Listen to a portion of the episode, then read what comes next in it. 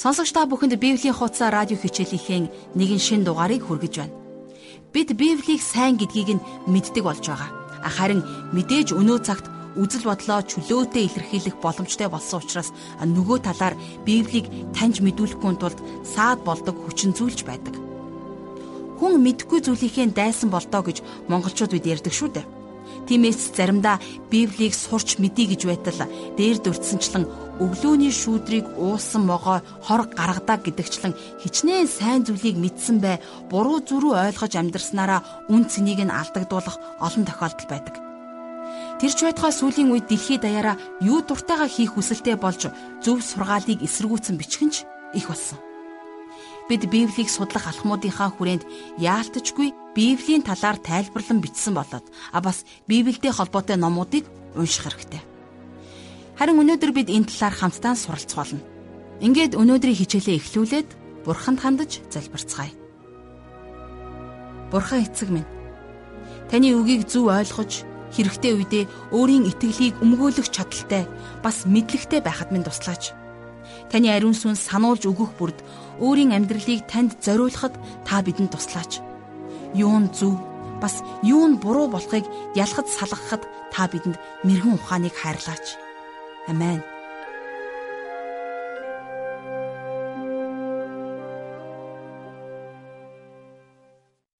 За тэгэхээр бидний энэхүү цуврал хичээлийн радио нэвтрүүлгийг хэрэгжүүлэгч байгуулгана.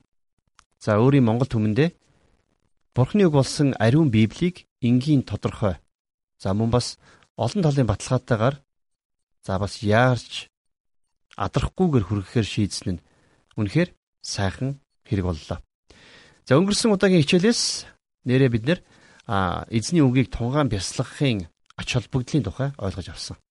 За тунгаан бясалгах гэдэг бол олон жилийн өмнө миний хувьд ихэвчлэн өр тохиолдсон хэцүү зүйлээ дахин дахин санахлаа байлаа шүү дээ.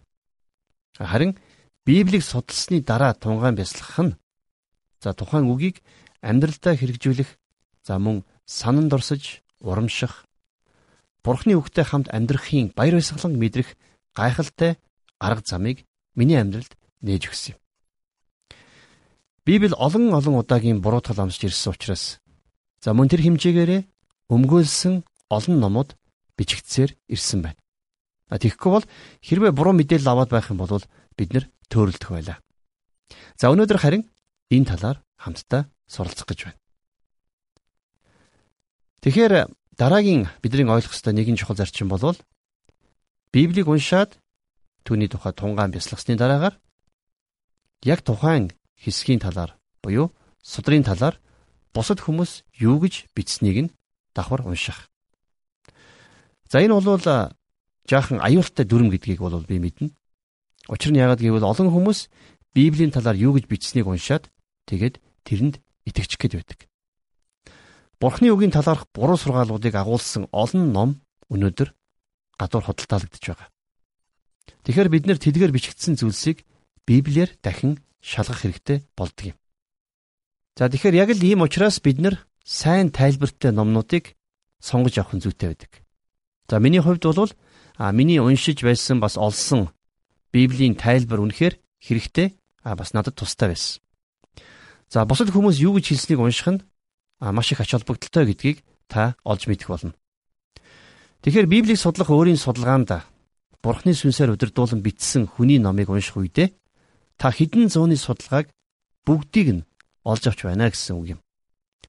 Та бид нар үүнийг ашиглах хэрэгтэй. Библийн номнууд дээр хид хідэн гайхалтай. За бас үнслэлтэй тийм тайлбарууд байдаг. Тайлбаруудаас гадна concordance гэж нэг ном бий. За concordance бол үнэлж баршгүй үн цэнтэй тайлбар байгаа юм. За би гурвыг санал болгож чадна. За хамгийн эхлээд Юнгийн бичсэн concordance гэж бий. За тэгээд Strong-ийн concordance. За тэгээд Grudny concordance гэсэн ийм гурван concordance буюу үгсийн тайлбар толиуд байдаг. Тэгэхээр хэрвээ та буруу тайлбар толийг авчихгүй тулд А энэ бүхнийг та сайн мэдэх шаардлагатай. Тэгэхээр Дэвисийн Библийн тайлбар тойл гэж бий. За мөн Өнгерийн Библийн тайлбар толийг би бас танд санал болгохыг хүсэж байна. За энд Библийн орчуулгын талаар ярихгүй өнгөрч болохгүй. Яг гэхлээр хүмүүс Библийн ишлэлүүдийн доогуур тайлбарсан тайлбарууд дээр анхаарлаа хандуулдаг учраас. Тэгэхээр энэ талаар Библийн ухааны доктор Ариун бичээс нийгэмлэгийн стандарт Монгол орчуулгын төслийн удирдагч Гарам Цэрэнгийн баяр жаргалын ярианд анхаарлаа хандуулъя. За Библийн Монгол орчуулгын тухай та бүхэнд бас энэ яриаг хүргэж байгаад их баяртай байна. Яагаад гэвэл би өөрөө одоо Библийн Монгол орчуулгын шин төслийг эхлүүлээд явж байна. А өөрөө бас яг энэ Библийн орчуулгын талаар суралцаад энэ талаар Библийн их хэлийг сураад суралцаад судалгаа юм хийгээд тэгээд Кембриж их сургуулийн докторийн хөтөлбөрөө дуусгаад бас эрдмийн ажлаа амжилттай хамгаалаад одоо ингээд энэ шин төслийг эхлүүлж байгаа одоо баяртай байгаа. За тэгээд би Монголын Монгол хэл дээрх Библийн орчуулгын түүхээс хэдэн чухал баримтуудыг та бүхэнтэй хуваалцъя. Эхнийх нь болохоор яг бичгийн хэлбэрээр байдаг биднэрт хамгийн анхны баримт гэвэл 1300 оны ихээр Хувлаа хааны ордонд ирж сууршин ажиллаж исэн Италийн Монтекарвино гэдэг хотоос гаралтай Жон гэдэг хүний Ватикан бичсэн загталд ингэж байдаг. За би одоо татар хэлийг хангалттай мэддэг болсон бөгөөд шин гэрээг бүхлээр нь дуулал номын төвөр төврийг үзэсгэлэнтэй сайхан бич үсгээр бичүүллээ гэж Ватикан руу явуулсан загталтаа дурддаг. Тэгээ энэ бол одоо Библийн монгол хэл дээр бичигдсэн орчуулагдсан гэдгийн хамгийн анхны одоо түүхэн бичгээр биднэрт үлдсэн баримт байгаа. За энэ бол маш том баримт. Яагаад гэвэл энэ бол яг монгол тухайн ийм тэр үеийн монгол хэл рүү тэгээ шин гэрэг бүхлээр нь тэгээ дуулал номын бас төвөр хэсгүүдээс нь ингэж бичүүлээд орчуулсан байна. За тэгээд орчин цагийн үеийн тухай ярих юм бол 1990 онд тайлбарлсан орчуулгын зарчмаар хийгдсэн Джон Гиббенс гэдэг хүний орчуулсан шинэ гэрээ байдаг. За бид нэр хавцан дээр нарны зурагтай байдаг учраас нартай библи гэдэг нэрээр зарим хүмүүс нэрлэдэг. За тэгээд энэ маань бол тухайн үедээ Христ итгэл Монгол улс нийгмийн эдийн засгийн том өөрчлөлтийн дараа Христ итгэлийг монголчуудад таниулахад нэлээд чухал үүрэг гүйцэтгэсэн тухайн үедээ хүмүүс бас Христ итгэлийг маш ойлгомжтойгоор тайлбарлаж өгөхөд их үүрэг гүйцэтгэсэн орчуулга байдаг. За тэгээд бас 1998 онд Китамура гэдэг Япон хүний орчуулсан орчуулга байдаг. Энэ бие даасан орчуулга. За тэгээд харин 1990-ад оны дундаас үргэлжлээд 2000 онд ажил нь дууссан Монголын Библи орчуулгын хорооны Ариун Библи гэдэг нэртэй орчуулгын хувилбар гарч ирсэн. Энэ маань болохоор үгчилсэн буюу хадмал орчуулгын зарчмаар хийгдсэн орчуулга. Тэгээ энэ орчуулга маань өнөөдөр Монголд хамгийн өргөн түгээмэл хэрэглэгдэж байна. За тэгээд бид нар одоо Ариун бичээс нийгэмдгээс Библийн Библийг их хэлнээс нь монгол хэл рүү шууд хөрвүүлэх тэгээд илүү арай ойлгомжтой хүмүүс сонсголонтой бас Монгол өгүүлбэрийн бүтэцтэй, Монгол шин чанартай, Монгол төрлөх байдалтай тим орчуулга хийхээр бид нэр ажиллаа эхлээд явж байна. За сайн мэдээний багш болон номлогч бүр өөрсдийнх нь судалдаг багц тийм номнуудтай байдаг. За хүн болгонд ийм номын багц хэрэгтэй. Тэгэхээр зарим хүмүүс ингэж асуудаг л да. Тэд нар хин нэгний бичсэн зүйлийг хуулан авч ярьдаг болов уу гэж. А гэвч тэднэрт бол бусдын бичснийг ашиглах төгс эрх нь байгаа шүү дээ. За жишээлх юм бол миний зарим нэг үгийг өөр хүн иш татсан талаар би сонсч байсан. А заримдаа нэрийг минь дурдж, а заримдаа зохиогчийн огт дурддаггүй.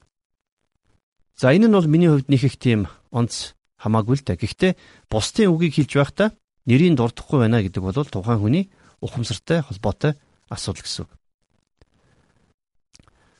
За тэгэхээр нэгэн библийн сургуульд профессороос нэгэн оюутан бусдын бичсэн зүйлийг иш татаж болох эсхийг асуусан байна.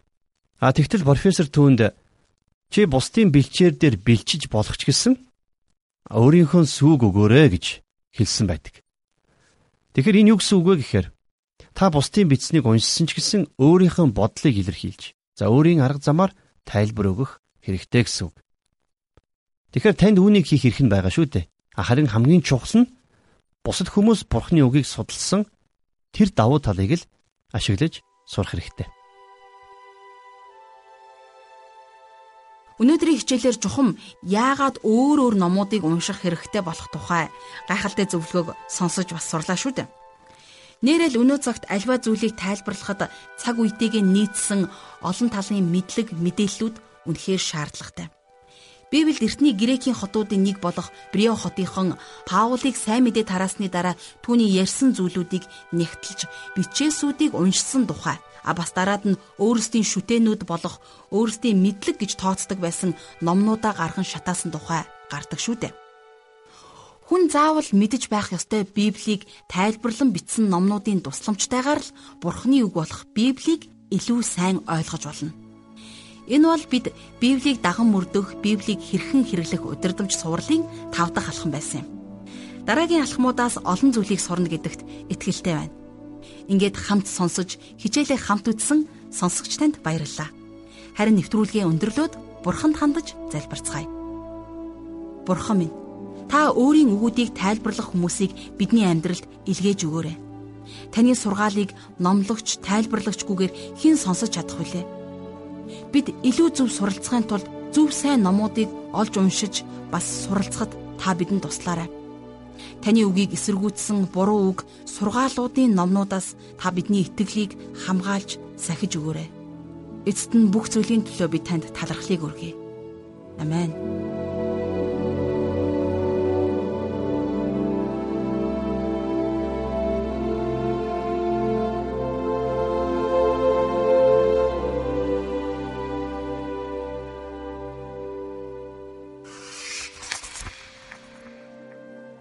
Сонсогч танд Библи ивэл төрийн бус байгууллагын захиалгад Библийн хуудасаар радио хичээл хүрлээ.